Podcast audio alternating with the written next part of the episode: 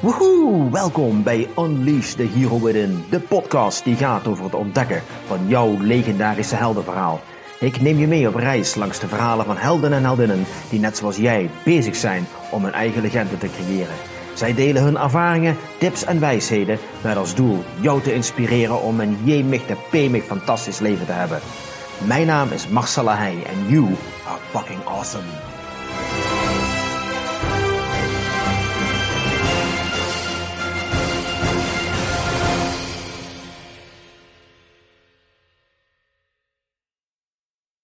Welkom! Vandaag gaan we praten over een onderwerp dat mij persoonlijk heel erg aanspreekt en ik verwacht eigenlijk wel dat jij het ook interessant gaat vinden. Want deze uitzending gaat namelijk over zelfvertrouwen. Zakelijk zelfvertrouwen om precies te zijn. Ik geloof dat ik niet de enige ben als ik zeg dat ik daar wel wat meer van kan gebruiken. Maar wat is zakelijk zelfvertrouwen nou eigenlijk? Eh, waarom speelt het zo'n grote rol in ons leven? En vooral, wat kunnen we eraan doen om er meer van te krijgen? Ik praat vandaag met Jikki Has een expert op dit gebied en zij heeft er zelfs een boek over geschreven met de titel Zakelijk zelfvertrouwen, durf succesvol te zijn. Ze vertelde me zojuist dat zo'n 64% van de ondernemers graag meer zelfvertrouwen wilt hebben.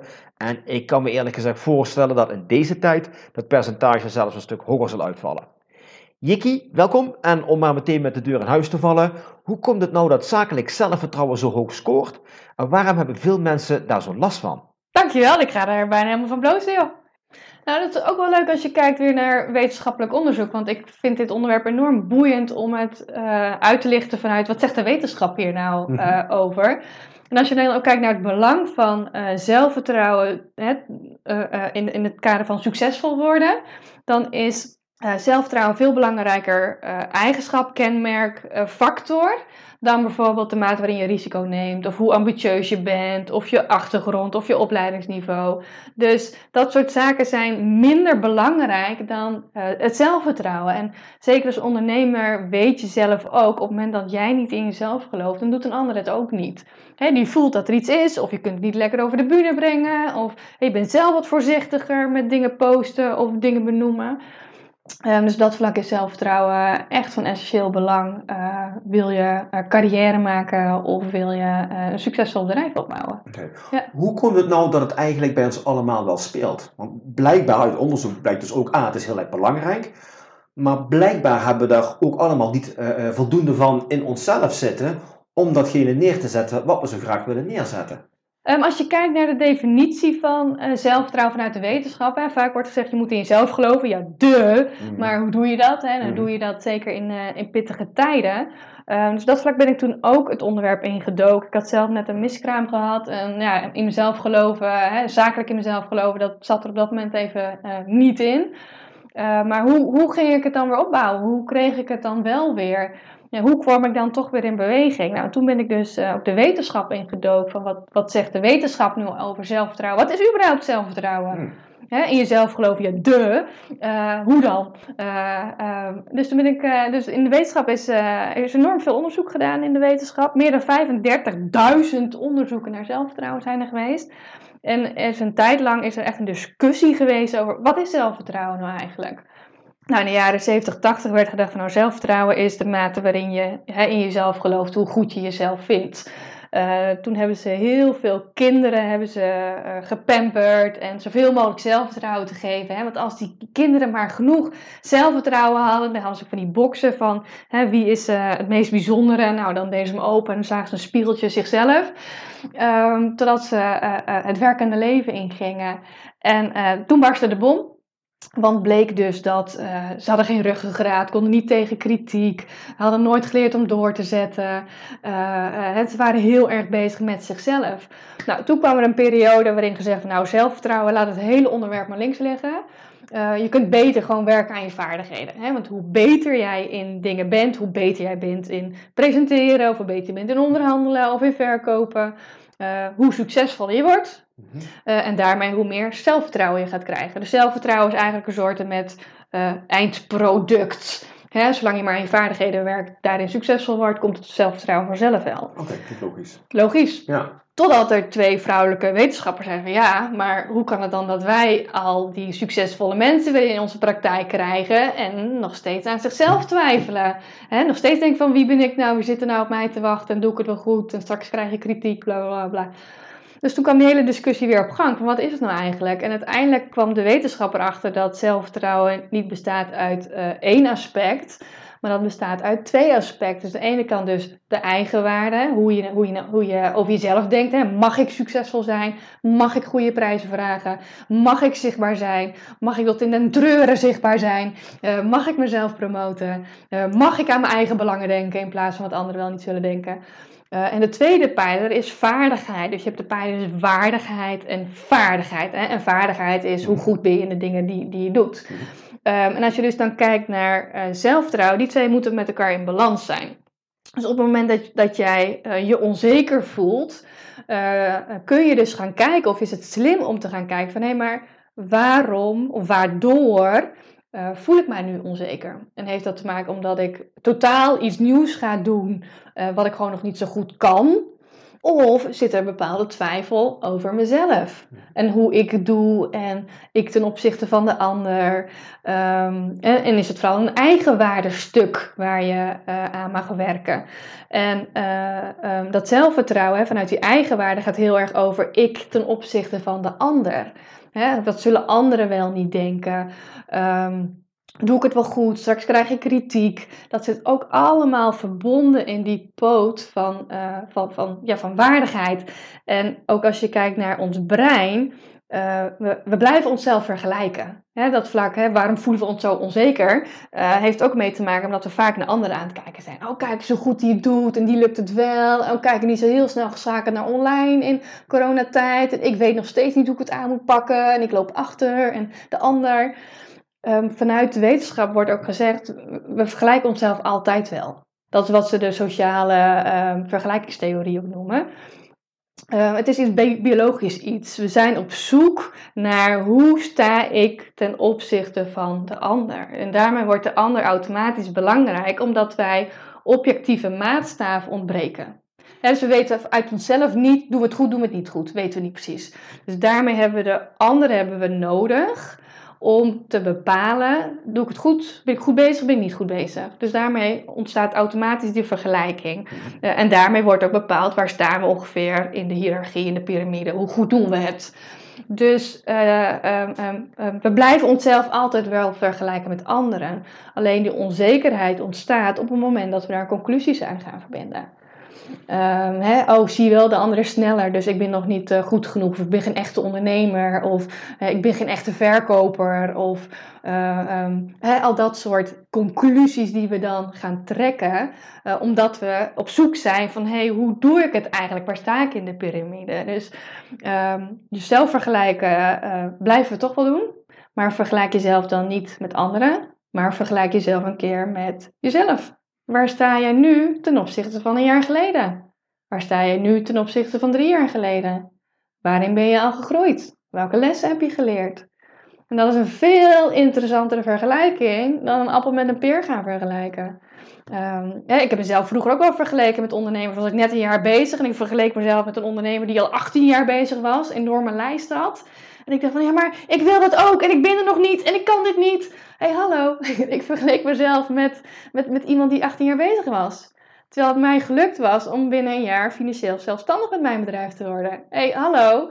Uh, uh, uh, ook, ook heel knap. Alleen zag ik dat niet, want ik was alleen maar bezig met die anderen. Dus um, jezelf vergelijken doen we toch wel. Maar vergelijk in ieder geval dan jezelf met jezelf, waar je vorig jaar stond, zoveel jaar geleden stond. He, dus onzekerheid ontstaat vaak omdat we onszelf aan het vergelijken zijn. Dat doen we puur vanuit onze hersenen, vanuit de biologie. Um, he, maar hij kan dus ook ontstaan vanuit, hey, mis ik nou nog een stukje vaardigheden waardoor ik me onzeker voel? Of is het dus uh, die eigen waarde? En vaak werken we uh, uh, aan de vaardigheden. En nog een cursus, en ja. nog een online training, nog een webinar, want ik weet nog niet genoeg. Uh, zo ken ik een klant en die heeft uh, zeven jaar op rij. Ze was en ondernemer en nog in loondienst en een gezin. En zeven jaar lang op rij heeft zij ieder jaar opnieuw een post-HBO-opleiding gedaan. Onder het mom, hè, dan maak ik meer kans bij potentiële opdrachtgevers en kan ik meer laten zien wat ik allemaal in huis heb. En ik vroeg aan haar, en heeft het je ook wat opgeleverd? Hè, zeven jaar studie, mag ik toch hopen dan dat het je wat oplevert?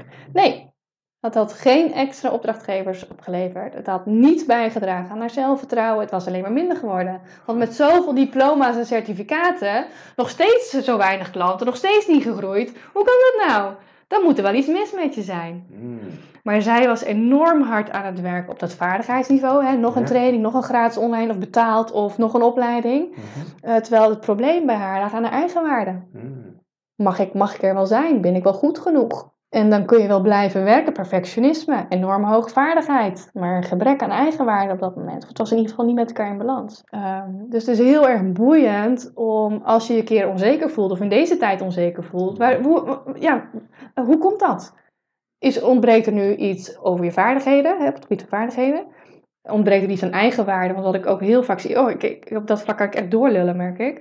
Uh, of mist er iets op het gebied van eigenwaarde. En wat je heel erg ziet, is dat uh, mensen dingen persoonlijk opvatten. Het feit dat er nu een crisis is en dat zij daar niet goed op reageren of het antwoord niet direct weten, trekken ze de conclusie: ik kan dit niet, ik ben geen goede ondernemer, want echte ondernemers hebben nu al lang een plan. Maar daarmee koppelen ze iets wat buiten hunzelf gebeurd is. Corona, mhm. daar kun je niks aan doen, hè, het is er nu gewoon. Maar dat koppelen ze wel, hè, misschien dat hun inkomen naar beneden gaat. Hè, het zijn allemaal feiten die gebeuren. Maar het gaat mis op het moment dat ze de conclusie gaan trekken. Wie zit er nu op mij te wachten? Mhm. Ik kan dit niet. Uh, echte ondernemers hebben al lang een plan. Ja, al dat soort, hè. En Pietje Puk, die lukt het wel. Zie je eens even kijken hoe hard die online gaat. Uh, uh, hè, dus op het moment dat we, gaan, dat we externe gebeurtenissen gaan internaliseren, ook dat zorgt ervoor dat we ons onzeker gaan voelen. Terwijl als je een nee krijgt van een potentiële opdrachtgever bijvoorbeeld, of een nee in deze tijd krijgt, zegt waarschijnlijk niks over jou. Het zegt überhaupt niks over jou. Het zegt alleen iets over dat het aanbod nu misschien niet het juiste moment was, niet het juiste aanbod was, uh, de persoon er nog niet klaar voor is.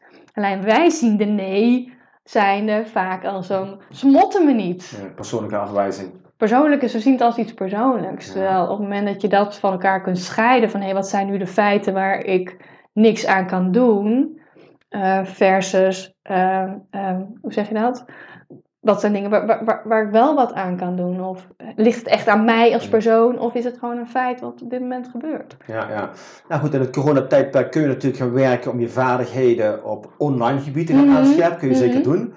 Um, maar ik wil toch eventjes praten over die waardigheid. Want ik denk dat dat op heel vaak de gevallen wel speelt. Hè? We leven natuurlijk best wel in een, in een, land waarbij je de vaardigheid relatief makkelijk kunt aanscherpen.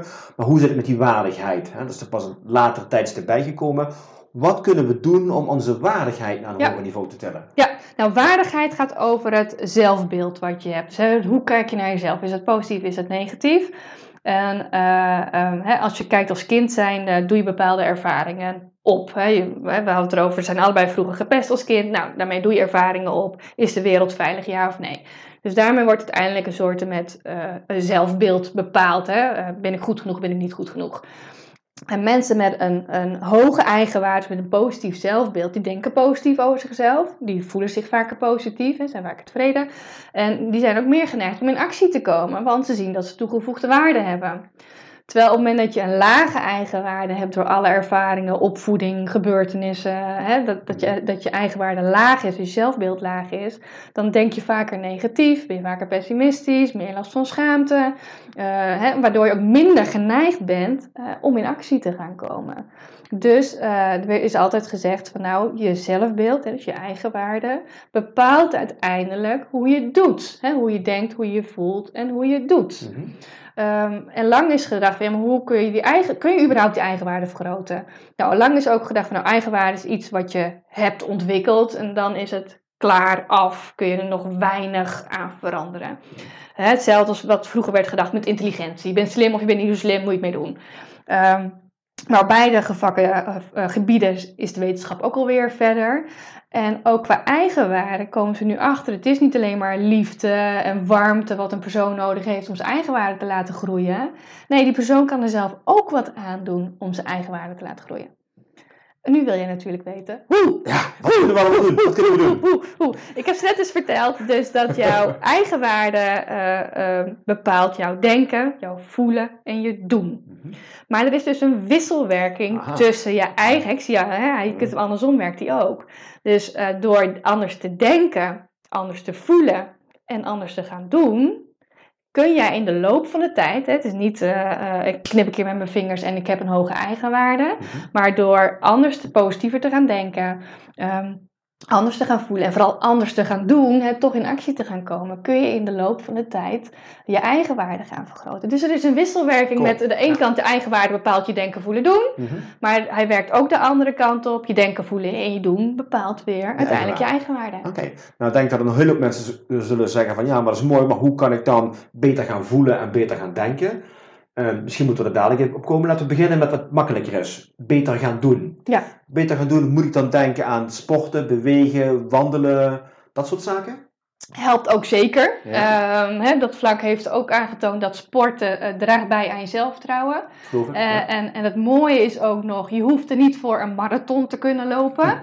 Uh, of te finishen voordat je daarmee zelfvertrouwen uitkrijgt. Het mhm. feit dat jij bezig bent met bewegen, dat je bezig bent met sporten, zorgt al voor een verbetering in je zelfvertrouwen. Dus op dat vlak gaat het nou niet om het einddoel, maar dat je er vooral uh, mee, mee, bezig bent. Mhm. Dus sporten uh, helpt zeker, kleding draagt ook wel bij. Maar het allerbelangrijkste, en dat zijn een beetje dingen die aan, aan de buitenkant spelen. Mhm. het allerbelangrijkste is dat je nieuwe dingen gaat doen. maar op het moment dat je nieuwe dingen gaat doen, die spannend zijn, hè, en dingen zijn ook, hè, ze horen ook wel spannend te zijn, maar op het moment dat dingen te spannend zijn, dan zegt je brein, ah ah, gevaar, stop, niet doen, denk er nog even over na, want het moet wel goed zijn, want straks krijg je kritiek, weet je het wel zeker. Dus hè, je brein raakt echt, hoe zeg je dat, de angstbaas in je hoofdkantoor, hè, letterlijk je hoofdkantoor. Je angstbaas die gaat op de alarmknop drukken en zegt van, ho stop, gaat niet de goede kant op. Uh, maar hoe kom je dan toch in actie om op die manier je zelfvertrouwen te gaan vergroten? Nou, hoe doe je dat? Nou, hè, ik stel zelf even de vragen. ik stel jezelf even de vraag. Ik zal er ook meteen even antwoord op geven. En wat, wat, je dus, wat er dus nodig is, is dat je je angstbaas onder controle krijgt. En hoe krijg je die onder controle? Nou, die ga je weer in slaap sussen door zulke gruwelijke kleine stappen te laten zetten. Dat je brein denkt, veel succes ermee, uh, geen enkel probleem.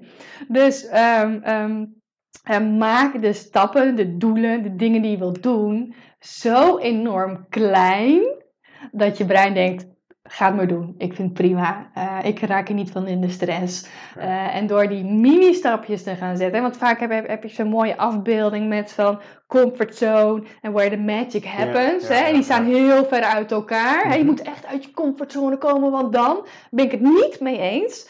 Um, uh, de tekening moet er als volgt uitzien. Comfortzone, dat rondje. En where the magic happens, die zitten tegenaan. Oké, net, net, buiten het randje. Net, of misschien zelfs wel net toch in het randje, oh, want daarmee zit je nog in je comfortzone.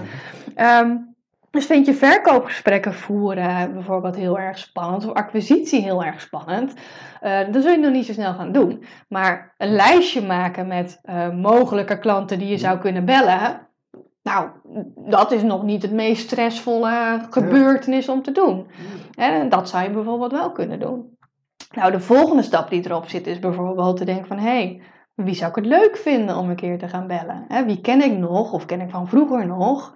En kan ik een keer mee contact mee op gaan nemen? Dus dat zijn van zulke kleine stappen. Terwijl een ander denkt zo van...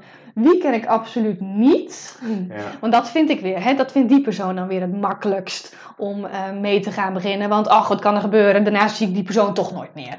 Uh, dus dat verschilt ook weer per persoon uiteindelijk. Mm -hmm. uh, maar door dingen zo enorm klein te maken, dan is het oké. Dat is wel grappig, want toen ik mijn boek aan het schrijven was, toen ehm, mijn uitgever die belde op een gegeven moment zo van Jikki, um, je zou hoofdstukken aanleveren voor het boek, maar uh, ik heb vooralsnog niks zien verschijnen. Is er iets aan de hand? En ik zei van ja, nou druk, druk, druk. Hè. Ik zei maar, ik heb ook een boek gelezen over hoe je een goed managementboek moet schrijven. En dan is het belangrijk dat ik wel de juiste tone of voice heb. Dus nu ben ik nog een beetje naar op zoek. En ik heb ook gelezen dat wetenschappelijke onderzoeken is leuk in een boek, maar de geëikte zijn we wel een beetje klaar mee. Dus ik moet wel de echte wetenschappelijke onderzoeken moet ik even zien te vinden. En, uh, want ja, ik wil wel dat het een verdomd goed boek gaat worden. Nou, mijn brein, mijn hoofdkantoor volledig in de stress, spanning, angstbaas. Totdat zij tegen mij zei, Jikki, een bestseller wordt niet in één keer geschreven. Wat ik nodig heb, zijn puzzelstukjes. Wat ik nodig heb, zijn hoofdstukken. En vanuit daaruit kunnen we gaan kijken, wat ontbreekt er nog om een fucking goed boek te schrijven? Mm. En toen begon ik in één keer te schrijven. Tik, tik, tik. Ik zei, ik ga schrijven. Tik, tik, tik, tik, tik, tik, tik. En ik kon zo hoofdstukken aanleveren. Omdat ik zulke gruwelijke kleine... Ik had het heel groot voor mij gemaakt. Ik wil een boek gaan schrijven. Het moet wel een bestseller worden. Of bestseller waardig. En moet impact hebben. En bla, bla, bla. En, uh, door het zo klein te maken... Ik heb alleen een paar hoofdstukken nodig. Ja, en hoofdstukken worden paragrafen, paragrafen worden alinea's of pagina's. Hoe klein het ook wordt, begin, begin. En uh, dat vlak zijn ze ook, begin gewoon met schrijven met hoofdstukken die voor jou fijn voelen. Dat vlak, hè, begin in je comfortzone, hè, wat goed te doen is. En die andere hoofdstukken komen later wel. Dus op een gegeven moment had ik best wel voor mij ingewikkeld hoofdstuk geschreven. En ze mailden mij van, hey, was dit nou een leuk hoofdstuk of ben je er gewoon goed in geworden? Ik zei, nou, dat is niet mijn leukste hoofdstuk. En dat vlak, hè, zijn er hoofdstukken die ik makkelijker schrijf, maar ik word er beter in. Dus door het zo klein te maken, uh, kun je daar uiteindelijk veel meer stappen in gaan nemen en steeds beter gaan worden. Cool. Ja. Ja, dat is een mooie. Dat zijn uh, mooie tips inderdaad voor dingen die je wil doen. Ja, ja absoluut. Maak ze gewoon een heel stuk kleiner, zodat je brein ze niet meer als stress ervaart en ze eigenlijk makkelijk te behappen worden. Ja. Ah, cool, cool, En daarmee ook actie. Net als in het woordenboek, actie komt voor zelfvertrouwen. Ja, ja, ja. ja. En dan hebben we nog uh, voelen en denken, geloof ik. Ja. Welke wil je beginnen? Ik vind voelen wel een interessante. Oké, wat kunnen we allemaal doen om ons beter te gaan voelen? Ja, wat een hele, het was weer mooi dat je zegt, hè? wat kunnen we gaan doen om ons mm. beter te gaan voelen? Ja. Nou, en dan niet zozeer iets toe te voegen, maar iets los te laten. Oh. Uh, en dat is het onderwerp van schaamte. Oeh, uh, interessant. Ja, ja, dat vlak zou je daar niet verwachten met zaak zelfvertrouwen vanuit de wetenschap. Maar ja, Brene Brown is daar uh, groot mee geworden, laat ik het zo ja. zeggen. Omgeworden mee geworden. Ehm, schaamte is namelijk een emotie. En uh, hebben we heel veel emotie, boosheid, verdriet, uh, noem maar op. Maar schaamte is een bewuste emotie. Dus het is een combinatie van denken en voelen. En we hebben schuldgevoel en we hebben schaamte. Nou, schuldgevoel gaat over ik heb iets verkeerd gedaan. Hè, ik heb, ik, ik, ik, ik, zeg dat iets aanleveren, ik heb het te laat gedaan. Ik heb iets fout gedaan.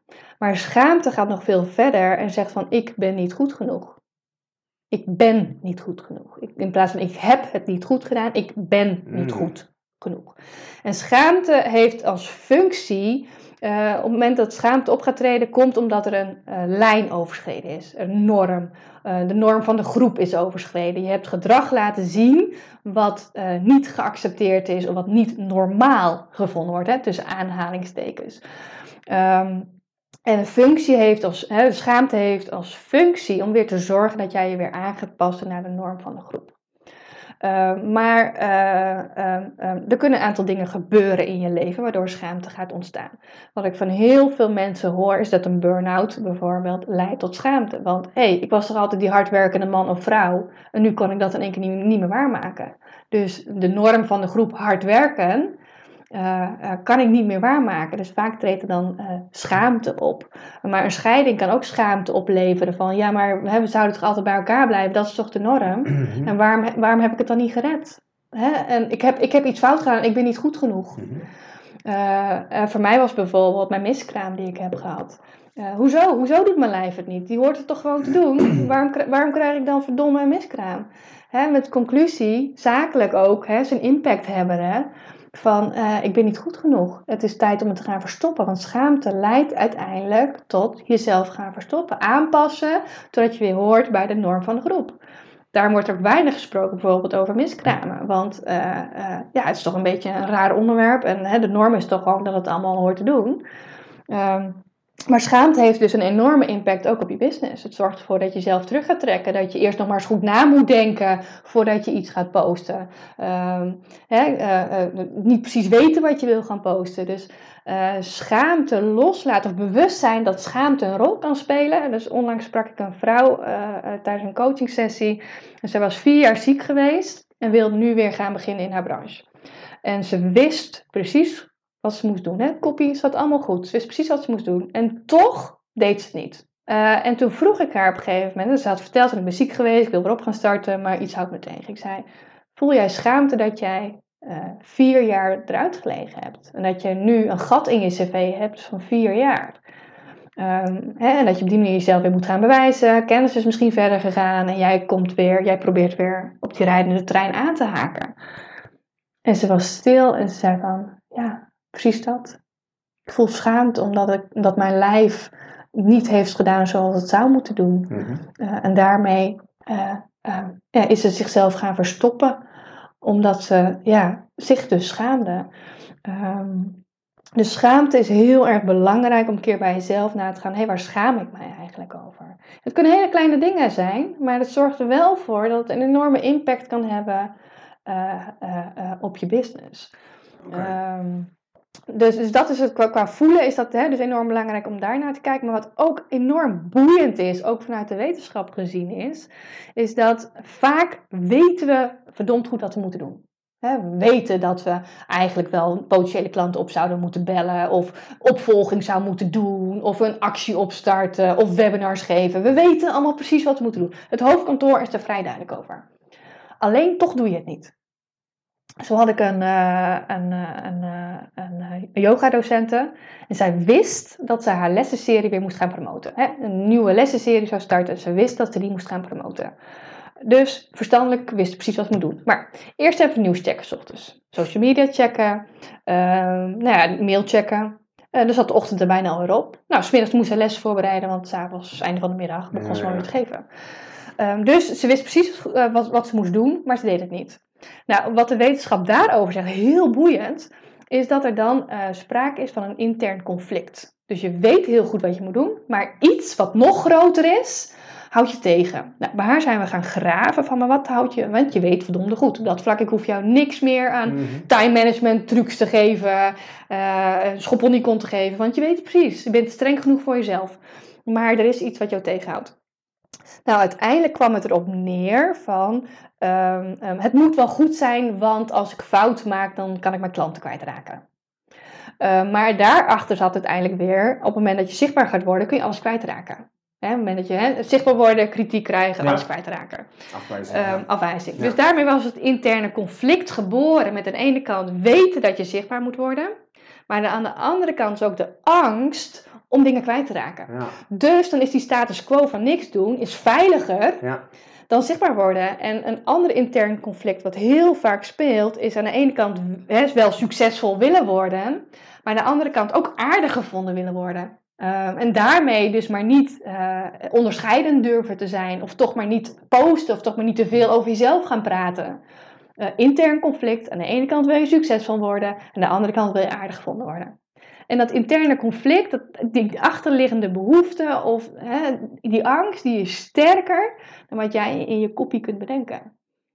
Dus op het moment dat jij jezelf tegenhoudt, kun je ook bij jezelf afvragen: hè, is, het, is het misschien schaamte? Is het een eerdere ervaring waardoor ik buiten de groep ingevallen, waardoor ik me nu klein hou?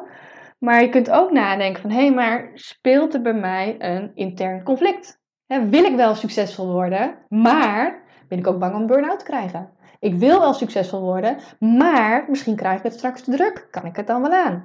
Ik wil wel succesvol worden, maar straks krijg ik kritiek. Kan ik dat wel handelen?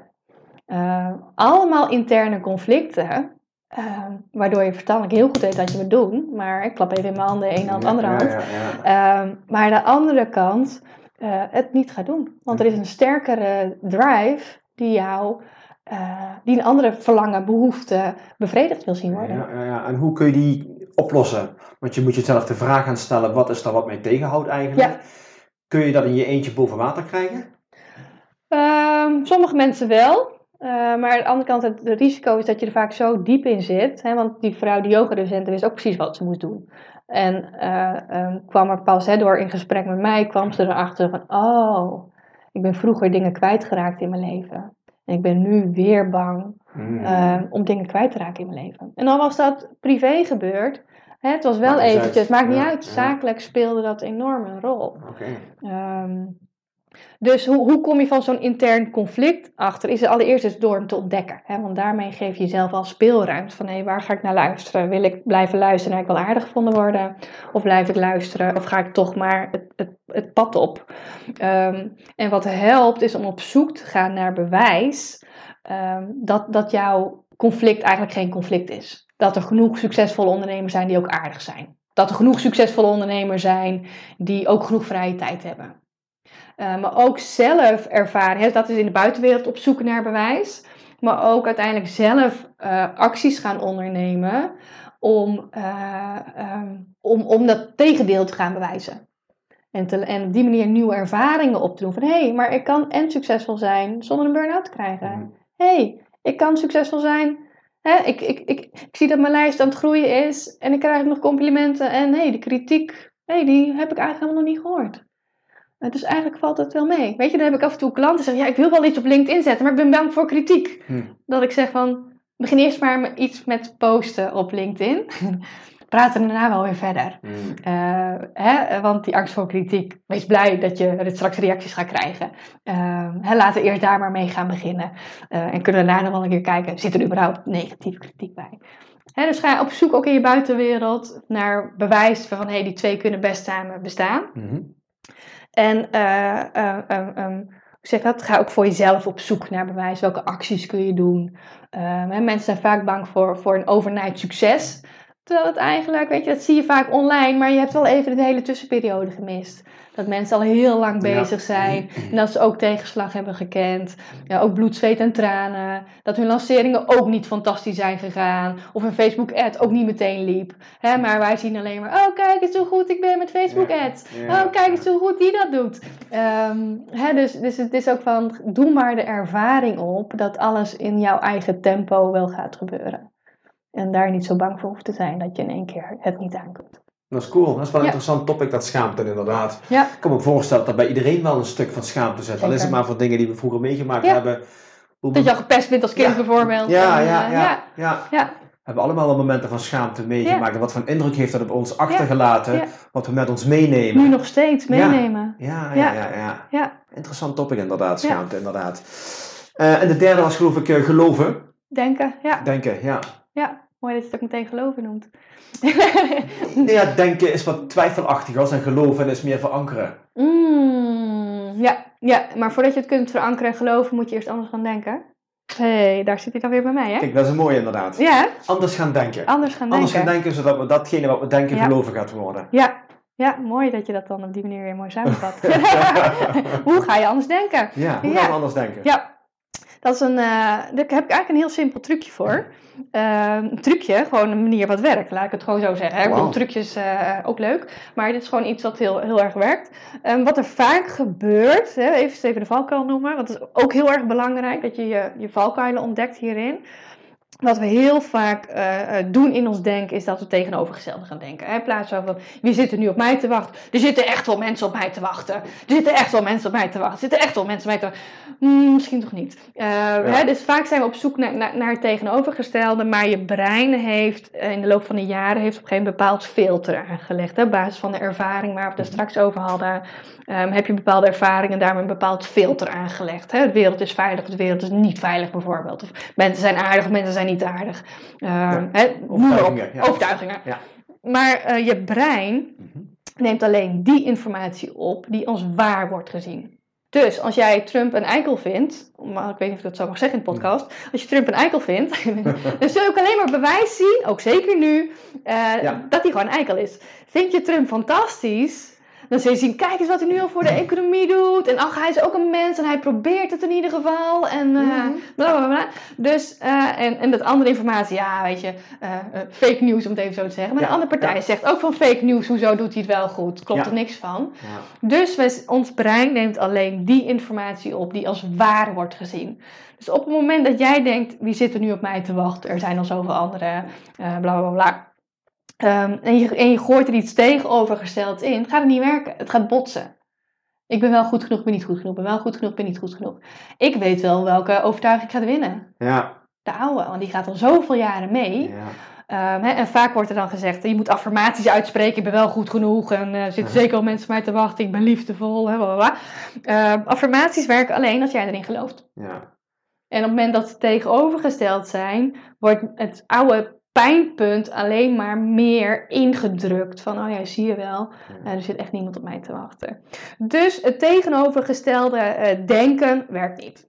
Wat eh, wel werkt, is in plaats van iets er tegenover te zetten, dat vlak toon ik nu even twee boxen in de handen, is het beter om er iets naast te zetten wat ook waar is. Dus in plaats van de gedachte van wie zit er ook op mij, te- wie zit er nou op mij te wachten, kan een antwoord zijn van hé, hey, ik ben geen groentje meer en al die tijd heb ik toegevoegde waarde gehad. Of het feit alleen al, ik ben geen groentje meer. Of wie zit er nu op mij te wachten? Ja, maar met mijn combinatie van kenniskunde, zelfvertrouwen, eh, 35.000 onderzoeken. Ehm, hè, maar eh, door de combinatie die ik maak, bijvoorbeeld, doordat eh, hè, de praktische vertaling van wetenschappelijke inzichten, eh, bijvoorbeeld praktisch, nuchter, een stukje zelfspot, humor, eh, eh, maakt dat mensen het wel heel, heel erg tof vinden. Dus, ehm, dus vaak moet je op een ander gebied even gaan zoeken. In plaats van tegenovergesteld van wie zit er nu op mij te wachten. Er zitten wel mensen op mij te wachten. Die matcht niet lekker. In plaats van wie zit er op mij te wachten. Eh, ehm, ik heb al zoveel jaar ervaring in het vakgebied. En kijk eens wat ik al die tijd al heb gedaan. Kijk eens hoe tevreden klanten zijn.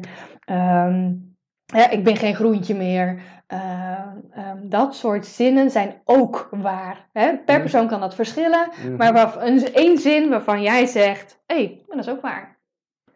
En dan kun je die zin die ook waar is, want die, die, die, die gaat je brein wel in. Die brein zegt: kom er binnen, toegangspoortjes gaan open, het klopt. Eh, kom maar in het hoofdkantoor, Ja. eh, ehm, het klopt. Ja. Dus, dus ga op zoek naar een gedachte die ook waar is en eh, richt je daarop. Ja, de kloof kleiner maken tussen je negatieve overtuiging en de nieuwe overtuiging die je graag Ja, is- eh, ja, ja, tot ja, je wilt nemen. ja. Dus, dus laat hem echt aansluiten. Zoek op iets, zoek iets wat ook waar is. En dat kan per persoon verschillen. Want daarmee kun je steeds verder komen. Hè? Zoek een gedachte die eh, dichter bij de waarheid ligt. En dat moet Jouw je doen. waarheid, Ja, jouw ja. waarheid ligt inderdaad. En ga van daaruit verder bouwen. Want daarin Ja. kun je groeien. Ja, dus hè, die, die, die, die van hey, je moet zo groot mogelijk denken. Hè, dream big and you will reach it. Ehm, ik ben daar geen voorstander van. Ik snap, hè, ik snap het Mhm. principe, geeft een lekker gevoel, hè, positieve emoties. Ehm, hè, als je dat ook kijkt naar eh gedachten, emoties, acties, resultaat. Hè, eh, hebben de Tony Robbins groepen die zegt van take massive action. Er zit zeker iets in. Maar op het moment dat jij je nog steeds depressief voelt en niet lekker in je vel zit en wie zit er nou op mij te wachten, eh, niet opgelost hebt, werkt het niet. Ja. Nou, dan hebben we nog eh, de chakra-visie, die chakra-groep. hè voel je goed. Ja. Ja, emoratenband. Eh, hè, voel je goed en eh, je zult in actie komen. Maar wie zit er nou op mij te wachten? Ehm, dus uiteindelijk zul je echt naar de kern moeten, naar die gedachten eh, die je tegenhoudt. En wat ik vaak zie is dat mensen zeggen van... Ja, die gedachte heb ik nu wel om zeep geholpen. Ehm, maar nu heb ik de volgende gedachte waar ik aan vastloop. Dat kan. Hè, maar dan weer ga op zoek naar een gedachte die ook waar is. Eh, hè, dat vlak kan het zijn dat je dat riedeltje een paar keer door moet totdat je er uiteindelijk eh, bent. Hè. Ik wil niet lopen leuren, is bijvoorbeeld ook zo'n zo'n zo'n zo'n eh, eh, negatieve overtuiging. Nou, welke gedachte is ook waar?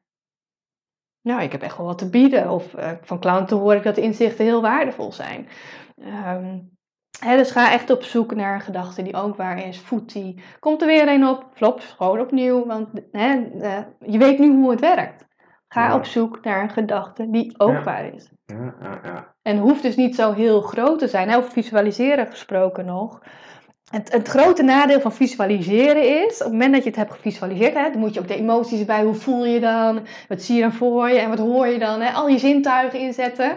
Eh, als je dat hebt gedaan en hè, je voelt je helemaal fantastisch, dan denkt je brein vervolgens, zo, tijd voor vakantie. ja, het is er Je bent het is er Ja, al, ja. het is er al. Maar daarmee ga je niet in actie komen. Ja. Dus wat dan beter werkt, in plaats van visualiseren, moet je zeker wel doen, hè, maar niet te groot. Als het weer te groot is van, hè, zie jezelf als miljonair, terwijl je net 10.000 euro omzet draait. Mm, mm, mm, mm. Denkt je brein, ja, wat denk, je, wat denk jij zelf? Ja. Ga je hiervoor in actie komen? Dat trap ik niet in. Ja. Trap ik niet in. We gaan niet eens beginnen. Hè, dus als het verschil te groot is, dan gaat, dan gaat het ook niet werken. Maar op het moment dat je het wel hebt gelukt om te visualiseren, dan zegt je brein vaak: hé, hey, tabé, uh, vakantietijd. Dus wat dan beter werkt, ook vanuit wetenschappelijk onderzoek aangetoond, is dat je beter wat ze noemen mentaal contrasteren kunt noemen. En, uh, wat is dat, mentaal contrasteren? Is dat je het op gaat uh, knippen in diverse tussenmijlpalen. He, dat vlak, wat moet, wat moet ik dan doen? He? We willen allebei meer op podia gaan spreken. Mm daar onze mhm. impact hebben, mensen in beweging zetten. Uh, is fantastisch om dat te voelen en om dat voor ons te zien. En dat mensen geroerd zijn en dat mensen zeggen: Oh, hier ga ik echt wat mee doen. Ja, is heerlijk. Maar hoe ga je er komen? Welke stappen kun je dan nu zetten? Maar ook, wat kan er eventueel fout gaan? Geen zin, geen tijd, geen energie. En op het moment dat je weet van hé, hoe ga ik ermee om op het moment dat ik even geen zin heb of geen energie heb. Nou, als ik even geen energie voel hier om, omtrent, dan ga ik weer even uh, voelen waarom ik het ook alweer zo graag doe. Of noem ik weer een keer mijn missie. Dus op het moment dat je uh, goed weet van hé, maar wat zijn eventuele blokkades, drempels, bergen uh, die ik tegen kan komen. Wat zijn dat voor jou? Vaak zijn het wel een van die die ik net op heb genoemd. Hoe ga je daarmee om? Op het moment dat je even geen energie voelt, kun je dan misschien even gaan wandelen. Of kun je dan misschien even de trap op en neer gaan rennen. Uh, hè, dus probeer hem zo concreet mogelijk te maken. Niet zozeer van, hé, hey, waar wil ik naartoe? Maar hey, welke obstakels kan ik tegenkomen? Dat klinkt vaak heel negatief. Van, nou, uh, hoezo moet je naar het negatieve kijken? Want daar ga je dan toch naartoe. Um, het doel hiervan is, of waarin het helpt, is dat je brein niet uh, in slaap gaat vallen. Oh, we zijn er toch al. Uh, want we willen daar wel naartoe, maar we zijn er nog niet. Mm dus er moet nog wat gaan gebeuren om daar te komen. En op het moment dat je weet van, hé, hey, maar dit zijn mijn valkuilen, tijd bijvoorbeeld, hè, ik heb te weinig tijd. Nou, op het moment dat ik het gevoel heb dat ik te weinig tijd heb, dan keer ik even terug naar wat echt belangrijk is. Hè, dus daarmee ga je de hobbels wegnemen. Hè, dus je gaat ze even bekijken en daarmee ga je ze ook wegnemen. Uh, uh, door met oplossingen te komen. En daarmee ga je ook zien dat je doel eigenlijk best wel haalbaar is. En door het op te knippen in concrete blokjes. Hè, wat wil ik dan volgend jaar bereikt hebben? Mhm. En wat moet ik dan doen? Hoeveel sprekersorganisaties moet ik dan gaan benaderen? Wat kan ik eventueel doen aan podcast, video's? Uh, maar als ik een keer geen onderwerp voor weet voor een podcast, dan nou, ga ik even zitten en ga ik even een lijstje maken. Uh, dus dat zijn van hele kleine dingetjes. Ja, ook weer maak ik kleiner. Maak het kleiner, maak het concreet. en zorg vooral dat je brein of niet in paniek raakt, hè, de angstbaas die, die op gaat komen. Of zorg er ook voor dat je brein uiteindelijk niet in slaap wordt gesust. Van, oh, het voelt fantastisch, inderdaad. Ja, ja wil ik ook wel. Ja. ja. Nou, pina colada, uh, hangmat, uh, kom erop. Nee, je moet nog beginnen, kom op. En dan stel je voor, mensen gaan dat allemaal toepassen en het werkt en ze, ze gaan successen behalen en ze voelen zich goed. Top. En dan komt er weer zo'n moment dat ze in zo'n mokerslag en tegenslag in ontvangst gaan nemen. En dan kom je meteen in zo'n neerwaartse spiraal terecht. Wat zouden mensen kunnen doen als zo'n moment zich weer voordoet? Ze, ze komen in een neerwaartse spiraal, ze komen niet eruit. En help, hoe kom ik eruit? Wat kan ik doen? Tegenslag, zeker in dit uh, zeker, gebeuren. Hè? Maar er zal vast wel meer tegenslag komen. We hebben allemaal last van, dus laten we mhm. dat ook gewoon... Uh, tegenslag krijgen we allemaal mee te maken. Ja, um, wat, wat een hele leuke uh, denkwijze is is, um, zeggen, wat, wat we vaak zien, is dat we het allemaal als één geheel gaan zien en door gaan brengen. Het lukt me niet, ik kan het niet, ik ga failliet, dit wordt niks. Neerwaartse spiraal. Neerwaartse spiraal. Dus we gaan conclusies trekken. het moet nu, en stel dat je een beetje uh, uh, in die bodem zit, het moet nu wel goed gaan. Dus mm. alle acties die ik nu in gang ga zetten, moeten wel perfect zijn, wat anders dan. Mm. Um, hè, en daarmee wordt het hele bedrijf, uh, uh, je hele denken, doen en laten, je hele leven uh, wordt één grote brei. Wordt één grote wedstrijd die je misschien niet kunt winnen, maar in ieder geval niet wil gaan verliezen. Um, en dat zorgt juist, ik wil niet verliezen, ik wil niet verliezen, ik wil niet verliezen. Nog meer stress. ja, nog meer stress. Terwijl uh, Daniel Kahneman, gedragsonderzoeker en, en ook, ook, ook Nobelprijswinnaar, die zegt er gewoon over, hè, als je kijkt naar hoe succesvolle mensen denken, economisch succesvolle mensen, laten we het daar even op houden, um, die denken niet zo van, oh, het leven is één grote wedstrijd of het bedrijf is één grote wedstrijd, dat moet ik zien te winnen. zij zien gewoon van, you win some, you lose some en weer door. Het is een partijtje tennis, je kunt een keer winnen, je kunt een keer verliezen, maar het feit dat jij een partijtje tennis uh, verliest, wil niet zeggen dat jij een slechte tennisser bent. Maar het kan zo zijn dat de omstandigheden zijn veranderd. Of dat jouw tegenstander op dat moment gewoon even net iets beter was. Dus op het moment dat een verkoopgesprek, al is het je derde, vierde, vijfde verkoopgesprek wat niet goed gaat, dan wil dat nog niet zeggen dat jij geen succesvol ondernemer kunt zijn. Um, maar gaat erover, je hebt nu een paar potjes verloren. Maar dat zegt niks over wie jij in de kern bent. het is gewoon, het gesprek liep niet zo. Mhm. Dus koppel dat, die tegenslag ook los van de kern van wie jij bent. Je bent meer dan het falen van je bedrijf. Je bent meer dan het succes van je bedrijf. Um, hè, dus denk ook gewoon van, uh, uh, you win some, you lose some en weer mhm. door. Mm -hmm. als je ook kijkt naar J.K. Rowling, die heeft haar Harry Potter serie zo vaak aan moeten bieden. Uh, iedere keer nee. Is er dan een slechte schrijfster? Nee. want kijk eens hoeveel er verkocht is. Um, hè, dus dat helpt in ieder geval om het niet persoonlijk op te vatten. De coronacrisis, misschien verlies je deze wedstrijd inderdaad. Dat kan zo zijn. Ja. Maar dat wil nog niks zeggen over wie jij uh, uh, in de kern bent. Ja. En dus mocht je zeker op zo'n moment heel erg negatief denken, hè, hoe kom ik hier nou weer uit? En, nou, dat kun je dus doen. En een tweede handige tool is om te kijken van, hey, je bent, wat ik net ook al zei, je bent meer dan je bedrijf. Op welke gebieden gaat het wel goed? Ja. Ben je bijvoorbeeld gezond? Schijnt de zon? Ja. Um, heb je een fijne partner? Ja. Heb je een gezin? Heb je hobby's? Op welke gebieden loopt het nu wel goed? Focus op het positieve. Ja, ja of wat er meer is. Weet je, dan denken we dat wij het bedrijf zijn. Zeker als je een mm. ZZP'er bent. Hè? Je bent het bedrijf toch? Maar jij bent wel meer dan alleen je bedrijf. Ja, dat is mooi inderdaad, ja. Um, ik kwam in jouw uh, boek of filmpjes ook iets tegen over uh, een misvatting over zelfvertrouwen. Oh, ja. Wat, welke is dat? Welke is dat? welke video heb jij gekeken? Nee, nee, nee. nee, ik, ik, ik weet waar je op doelt. Uh, de grootste mythe omtrent uh, zelfvertrouwen is dat je eerst zelfvertrouwen moet hebben voordat je in actie kunt komen. Oh ja, die hebben we gehad. Uh, dus dat vlak die hebben we gehad. Ja. we vaak denken het moet goed voelen voordat ik mensen op kan bellen, voordat ik ja, zichtbaar kan worden. Maar mm -hmm. wat we dus ook al zeiden, het, het hoort spannend te zijn de eerste keer. Ja, natuurlijk. Daarom is het ook de eerste keer. Ja, ja, ja, ja, ja, ja. ja, Hey, eh, even wat anders, want ik bedoel een super interessant uh, onderwerp. Daar kunnen we nog uren over uh, praten. Dat hebben we dat gelukkig ook gedaan. En meer weer weet, moet zeker een boek gaan lezen. -hmm. maar laten we eens praten over ondernemen in een coronatijdperk. Ja. We hebben het er al een paar keer over gehad. Het zijn uitdagende tijden. Hoe ga jij om met ondernemen in coronatijdperk? Want ja, jij bent ook een spreker. Ja. Je staat veel op podia. Ja. Wie zijn er nou even niet meer? Nee. Hoe ga je daarmee om? En, en wat voor andere dingen ga je nou naar op zoek? Ja, mooie vraag ook. Uh, want zeker uh, in april zou mijn boek eigenlijk al uitgegeven worden. Nou ja, midden coronatijdperk. Uh, dus dat ging niet door. Toen dacht ik over, ja, maar nu moet ik wachten tot juni. Hè, voordat het boek gaan lanceren. Wat kan ik dan überhaupt nog doen? Ehm, dus dat vlak was mijn eerste ding ook wel even zo van... Ah shit, uh, wat nu? Paniek. Ehm, uh, maar uiteindelijk, hè, dat vlak ook, hoezo de scholen dicht? Ik heb het toch hartstikke druk met mijn werk en hoe moeten we dat dan doen? Mhm. En uh, dat vlak was natuurlijk mij ook wel even de angstbaas die volledig uh, weer aan het roer kwam. Maar uiteindelijk draai gevonden. Ik werk nu gewoon even van 7 tot 11. En is ook gewoon, weet je, you win some, you lose some. Nou, mhm. misschien ga ik deze wedstrijd verliezen. En het leuke is juist, is dat op het moment dat ik dat los kon laten, van hé, hey, maar op welke manier kan ik nu toegevoegde waarde bieden? Want een boek is er gewoon nog even niet. Op welke manier kan ik toegevoegde waarde bieden? Um, gaf mij weer heel veel energie. En ik dacht van, oh ja, maar de boeklancering kan niet doorgaan. Hé, hey, maar ik heb wel nog een zevendaagse mini-cursus uh, uh, die ik weer opnieuw aan kan bieden, gewoon gratis. Uh, dus daar ben ik mee begonnen. En vanuit die mini-cursus dacht ik van, ja, ja, ja, ja, ja, ja, vervolgens zou mijn boek zijn, maar dat is er nog niet.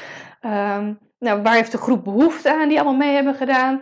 Nou, laat ik een keer een pilot starten. Dus ik merk juist dat ik, uh, ook doordat ik enorm beperkt ben in mijn tijd, dat vaak, ik heb vier uurtjes per dag en af en toe werk ik in het weekend nog even vier uurtjes. Um, daar moet ik het even mee doen. Uh, maar ik merk juist uh, dat ik daardoor weer enorm in die flow aan het komen ben. Um, en als je ook kijkt, uh, er zijn een aantal fases van rouw. Ik weet het niet precies uit mijn hoofd. Uh, maar uh, zijn, op het moment dat er een heftige gebeurtenis plaatsvindt, overlijden, ontslag, heftige ziektes, gaan we allemaal door vijf fases. De mhm. een gaat er sneller doorheen dan de ander. En de eerste is echt van, what the fuck happened here? Uh, hè, en dan komen we uiteindelijk in, in de fase van een beetje depressief voelen en wat kan ik nou en, en dat soort dingen. Dan zie je uiteindelijk weer dat mensen weer die slag uh, omhoog gaan maken. Mm -hmm. hè, en, maar het kan ook zijn dat je af en toe even terugvalt, hè, want dan is het niet tot eind april, maar dan is het nog langer ja, dat we ja. door moeten. Nou, dan zakken we er even terug. Hoe moeten we het nu dan weer doen? Mm -hmm. dus iedereen die gaat ook zo'n fase, gaat, gaat die fases door. De een wat harder dan de ander. Um, maar mij heeft het uiteindelijk heel veel opgeleverd. In de zin dat ik, uh, ik hoef niet per se acht uur te werken. Uh, uh, met vier kan ik eigenlijk ook heel veel gedaan. mijn conditie is nog nooit zo goed geweest. Want sport is belangrijk, dus mountainbiken, kom maar op. -huh. heerlijke tijd met mijn zoontje. -huh. Dus op dat vlak, hè, ook al lijkt het tegenslag op dat moment, het kan uiteindelijk ook gewoon enorm goed voor je uitpakken. Alleen weet je dat van tevoren nog niet altijd. Ja, ja, ja, ja, ja. ja hoe maak je van de nood een deugd inderdaad. Ja, hè? Ja. ja dat klopt. Ik ja. bedoel, we hadden het er straks eventjes over. Het zou zomaar kunnen dat er een hele hoop mensen zijn die uit het hele coronatijdperk straks als een grote winnaar uit de bus komen. Alleen we weten het nog niet. Nee. We weten niet wat er allemaal nog gaat gebeuren. En goed, we gaan allemaal nieuwe ideeën, nieuwe inspiratie op doen. We, gaan anders te, we moeten anders te werk gaan wat gaat ons dat allemaal opleveren? We weten het niet. Ja. En daarin is het ook weer you win some, you lose some. En het mm. enige kun je op die manier doen door het gewoon te gaan proberen. Mm -hmm. Ja, ja, absoluut. Ja. Hey, wat ervaar je op dit moment als uh, de grootste uitdaging in jouw leven? Zo, dat is even een goeie. Nu krijg je, nu krijg je me wel stil. wat is de grootste uitdaging van mijn leven? Wauw. Wat is de grootste uitdaging van mijn leven? Nou, mijn grootste uitdaging van mijn leven is gewoon denk ik überhaupt mijn grootste uitdaging van mijn leven. En dat is uiteindelijk ook mijn missie. Dat uh, later als ik 85 ben en ik zit op mijn schommelstoel op de veranda, dat ik terugkijk en niet zozeer of ik die Rolex of die Bentley nou bereikt heb. Hè, of dat ik nou één of twee kinderen heb gekregen. Dat vlak, hè, miskraam, we willen nog dolgraag een tweede kindje, maar ik weet ook niet wat erin zit. Uh, maar meer dat ik, hè, dus daar heb, heb je niet altijd zeggenschap over. Maar wel dat ik mezelf recht in de ogen aan kan kijken van ik heb het geprobeerd. En ik heb me niet laten tegenhouden door wat zullen anderen wel niet denken. En stel dat. En, hè, want toen ik voor mezelf begon had ik ook veertien belemmerende overtuigingen. Ik had er een paar, ik schreef ze op, bleken er maar liefst veertien te zijn. Toen ben ik gestopt met tellen. um, dus ik denk dat dat mijn grootste uitdaging is, is om uh, in die modus te blijven om uh, uh, met mijn missie, met zakelijk zelfvertrouwen ook, om mijzelf altijd recht in de ogen aan te kunnen blijven kijken van hé, hey, laat ik mij nu uh, regeren door angst en wat er mogelijkerwijs allemaal kan gebeuren. Of laat ik mij drijven door uh, uh, het gewoon te proberen, ervoor te gaan en mijn missie groter te laten zijn dan, dan mijn angsten. Hmm, ja. nu we het over angsten hebben, wat is de grootste angst die jij ooit overwonnen hebt? Volgens de grootste angst die ik ooit overwonnen heb. Ik denk voor nu even mijn angst om controle los te laten. Oh ja, in welke zin? Nou, dat vlak, we denken allemaal dat het leven uh, maakbaar is en dat hè, als je maar goed, hè, uh, uh, alles is haalbaar. Hè, je bent verantwoordelijk voor je succes en daarmee ben je ook verantwoordelijk voor je falen. Hè, wordt eigenlijk indirect meegezegd. Dat is gewoon de tijdsgeest waar, waar we nu ook in leven. Hè. Je moet het zelf doen en je moet succes, je, het, het kan, je kunt echt wel succesvol worden. Eh, en als het niet uh, is gelukt, dan ligt het blijkbaar ergens aan jezelf. Uh, maar dat je gewoon niet altijd overal controle over hebt, over hoe dingen gaan. Hè? Weer die coronatijd. En op het moment dat je daar die controle over loslaat, van wat er mogelijkerwijs kan gebeuren, of welke kant het op gaat, dan ontstaat er ook weer ruimte om met nieuwe dingen te komen. En uh, dat vlak vind ik het lastig om daar nu een concreet voorbeeld over te noemen. Maar op een gegeven moment toen ging ik, was ik echt poef chagrijnig. En toen dacht ik, nou, ik ga gewoon even lopen in het bos. Gewoon, pff, jongens, zoek het allemaal maar uit. Ik ben even weg. Mm -hmm. Zo'n bui. Mm -hmm. En uh, drie kwartier later kwam ik het bos uit, helemaal relaxed. En, maar ik kwam tot de conclusie dat ik zo gefrustreerd was, omdat ik voor mijn gevoel even geen controle had. Uh, ik dacht van, oh, daarom voel ik zo onrustig. Daarom voel ik me zo gefrustreerd. Mijn vrouw is weer op zoek naar controle hoor. Mm. Um, dus toen ik dat weer los kon laten, uh, gaf me dat gewoon enorm veel rust. Ja, en daarmee krijg je uiteindelijk weer mogelijkheden. Dus ik denk dat, hè, zeker ook als je gepest bent vroeger als kind of negatieve gebeurtenissen hebt, controle is dan wel heel fijn. Mm. Um, Maar überhaupt is controle iets wat we heel graag willen hebben. Ja. En we zitten nu gewoon in een tijd waarin dingen gebeuren waar- waarover we geen controle hebben. En natuurlijk proberen we met de lockdown en allerlei maatregelen het, het, het in te dammen en op die manier controle erover te krijgen. Eh, maar dat is nog maar de vraag in welke mate dat, dat lukt. Ehm, en, waar, en daarmee wil ik niet zeggen van nou laat alles los en laat het maar gebeuren, want controle heb je niet. Absoluut niet. Op dat vlak hè, gebeuren er hele goede dingen. Maar ehm, waar heb je wel invloed op en waar heb je geen invloed op? Ja, ja, dat is waar. Wat zou je doen als je wist dat je niet kon falen? Oh, mooi hè. Ehm, zou ik nog meer zichtbaar zijn? Zou Nog ik nog, nog meer gas geven? Ehm, want op dat vlak, ik voel mijn missie echt tot in mijn tenen, Ja? tot in mijn haarvaten. Maar dat vlak zit bij mij af en toe nog wel eens een, eh, een stemmetje van, wat, maar wat als je nou te druk krijgt? Of eh, wat als? En dan zou ik echt overal scheid aan hebben en denken van, eh, Hallo, hier ben ik weer. Voor de honderdste keer, leuk hè? Eh, in plaats van, je kiest uit nu wel weer het boek gaan promoten. Ja. dus dat vlak, hè, die stemmetjes die blijven wel. En als ik niet kon falen, dan ehm, ja, zou ik gewoon denk ik nog veel meer gas gaan geven. Ja. Maar dat, dit, eh, dit tempo is ook leuk, is ook lekker. En het is gewoon, het leuke is ook, is, dat vlak, het is, het is gewoon één groot spel. Hè, we hebben het er al een keer eerder over gehad. Eigenlijk is het gewoon allemaal één groot spel ook. En dan vooral de angst om zichtbaar te worden. Wat zullen anderen wel niet denken? Straks krijg je kritiek. Ehm, terwijl op het moment dat je het gewoon een keer uitprobeert, dan, dan merk je dat het, dat het eigenlijk allemaal wel meevalt. En dat het vooral het mentale spel is wat je onder controle moet zien te krijgen. Ik heb bijvoorbeeld eh, Elske Doets, eh, zakenvrouw van het jaar 2017 en eh, CEO, die heb ik gevraagd voor het voorwoord schrijven van mijn boek. Nou ja, heb ik uiteindelijk gewoon gemaild. Nou, uiteindelijk zegt ze gewoon ja. Dat ik denk van, Nou, cool. hey, hoe simpel is het eigenlijk? Het is eigenlijk hetzelfde alsof ik een andere iemand die ik niet ken zou mailen. Maar nu is het iemand die ik heel erg hoog heb staan. Wordt het blijkbaar in één keer spannend. Mhm. Terwijl het hetzelfde is. Beide keren stuur ik een mailtje. Ja. Ja.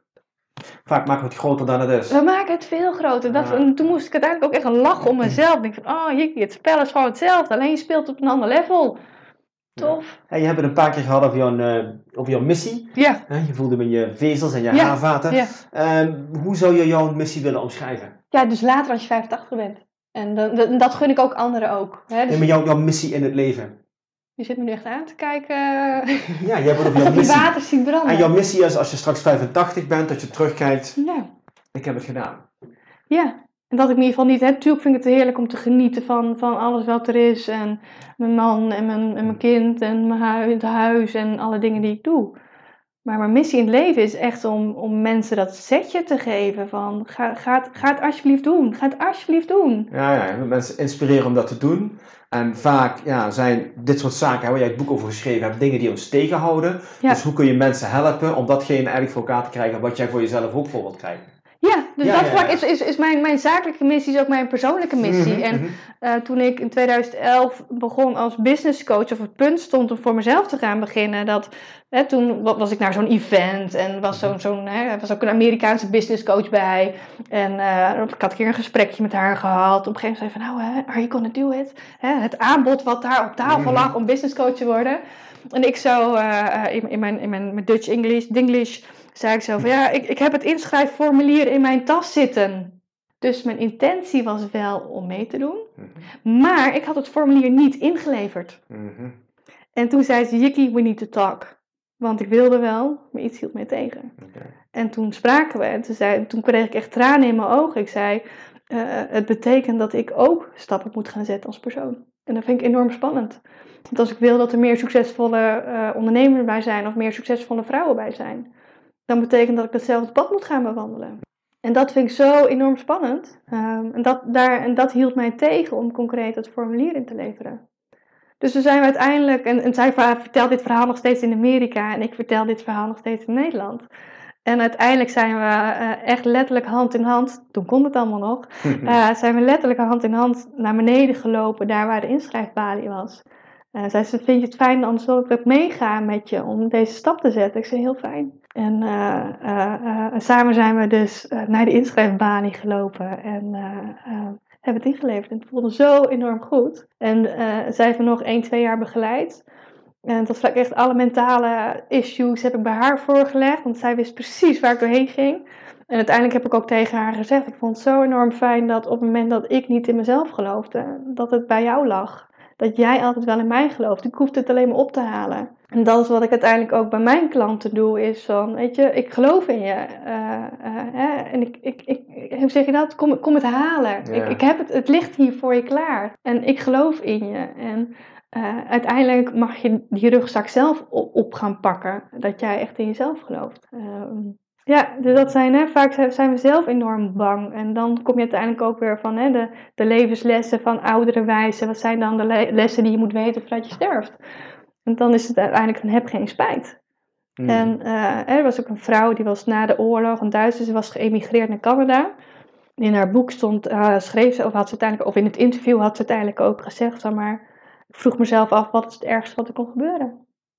Ik ging zonder geld, zonder partner, zonder iets. Ik ging naar Canada, ik sprak de taal niet eens goed. En ik dacht alleen maar, wat is het ergste wat me kan overkomen? Nou, dat ik terug moet. I handle that? Yes, oké. Hmm. Ja, dus, ja, uh, ja, Dus dat vlak is mijn zakelijke missie ook echt mijn eigen persoonlijke missie. Om ook mijn eigen uh, stappen erin te zetten, zelf te blijven groeien. En daarmee gaat het uiteindelijk over niet om van hè, wie heeft het meeste zakelijke zelfvertrouwen. Al, hè, het is natuurlijk heel belangrijk goed, maar je hoeft er geen 10 in te hebben. Het is, hè, ga voor die 6, 7, 8 en ga met dat zakelijke zelfvertrouwen op, op pad. En het, ik hoef niet perfect te zijn, ik mag ook mijn angsten laten zien, maar ik laat wel zien van hé, hey, jongens, meiden, mannen, vrouwen, eh, ik, ik doe het wel. Hoe spannend ik het ook vind. Ja. Uh, of ik nou ga stotteren of niet. Uh, maar mijn missie is zo belangrijk voor mij. Ja. Um, ik blijf het keer op keer proberen. En dat is wat ik jou ook gun. En dat is wat ik anderen ook gun. Hè? Zonder dat het perfect is. Uh, het toch maar te gaan proberen en toch maar te gaan doen. En aldoende leer je ook weer heel veel bij.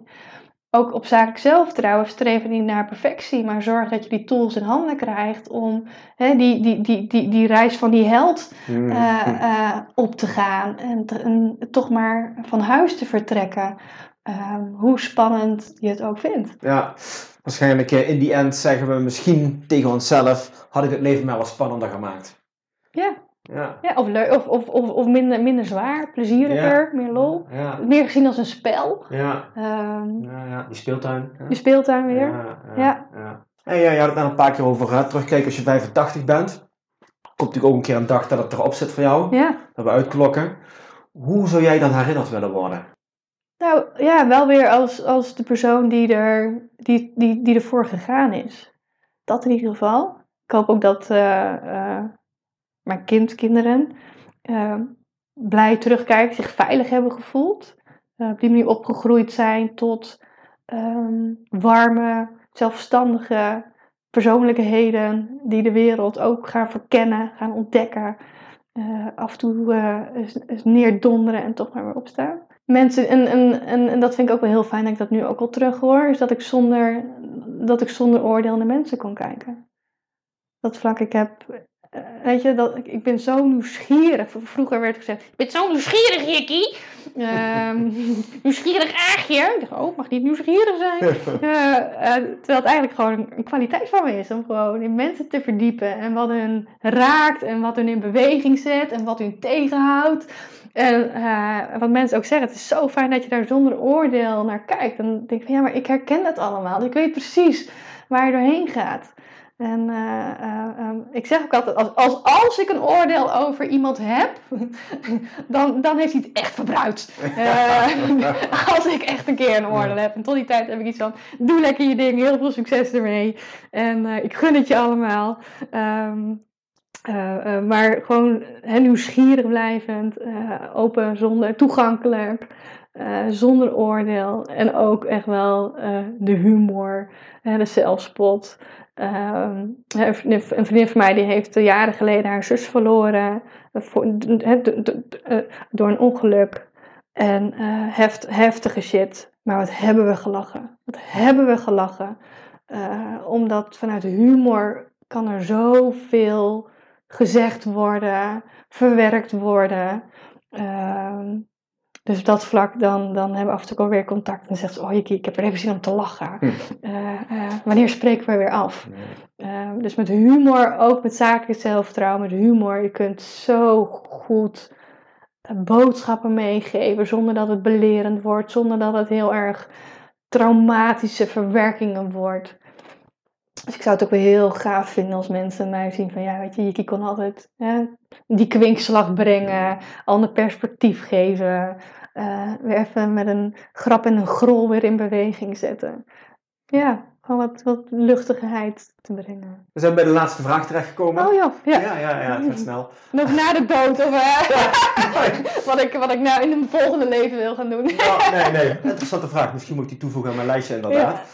Ehm, maar uh, nee, eigenlijk zijn het de laatste legendarische woorden. Ik wil wat wil je nog meegeven aan de luisteraar die, die zich hmm die ook nog altijd worstelt met zelfvertrouwen. Want laten we eerlijk zijn, we komen het allemaal op ons pad tegen. Wat zou je nog tegen mensen willen zeggen die ook hè, van hun werk, hun missie willen leven, maar ook weer af en toe dat gebrek aan zelfvertrouwen tegenkomen? Do it anyway. Do it anyway. Maak het zo klein mogelijk. Je hoeft een eigen bedrijf te starten. Je hoeft nu niet meteen je baan op te zeggen om een eigen bedrijf te starten. Begin eens met wat ideeën in je hoofd. Um, groeien met je bedrijf. Um, voel je missie weer. Dat vlak vaak gaan we heel erg bezig met ik en de ander. Wat zullen anderen wel niet denken? Maar op het moment dat je hem echt weer pakt vanuit, hé, maar wat, wat wil ik dat mijn toegevoegde waarde hier gaat worden in de wereld? Wat is mijn missie hier nou eigenlijk? Dan worden al die belemmerende overtuigingen, die krijgen veel minder lading, want het doet er niet meer toe. En dat is misschien nog wel het mooiste ding waar ik mee af wil sluiten. Ehm, ik ik uh, heb meegedaan aan toneelvoorstellingen en daar was een, een, vrouw van ongeveer mijn leeftijd.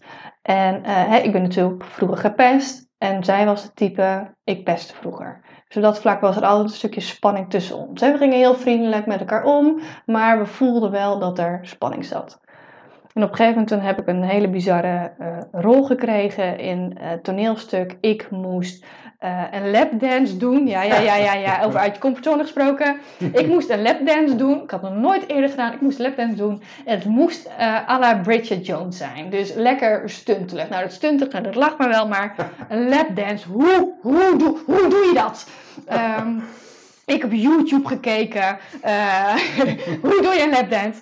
Uh, uh, en zij had dus zelfs woordenvol ideeën over hoe je dat moest doen. En, en die kon het hartstikke perfect. En, en, niet wil zeggen dat, zij, dat dat haar vak was, maar gewoon, zij was er gewoon goed in. Dus dat vlak had zij dolgraag die rol gewild die ik had.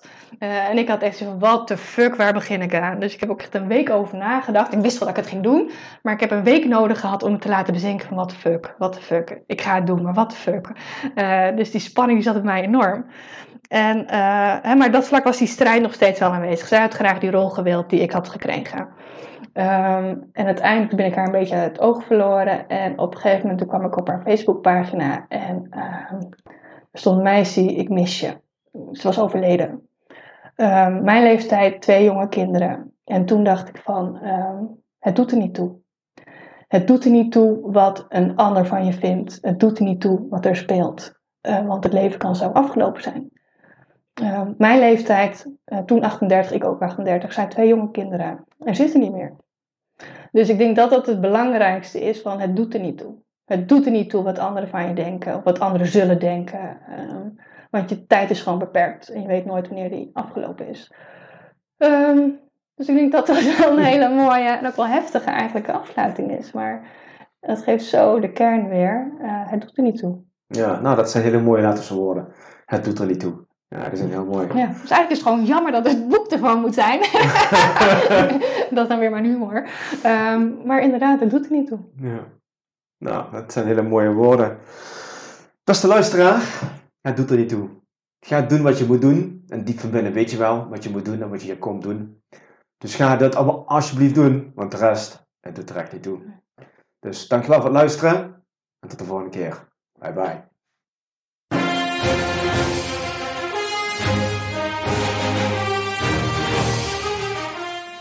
Ik hoop dat je net zoals mij weer hebt genoten van de mooie verhalen van mijn gast en er hopelijk iets aan hebt gehad.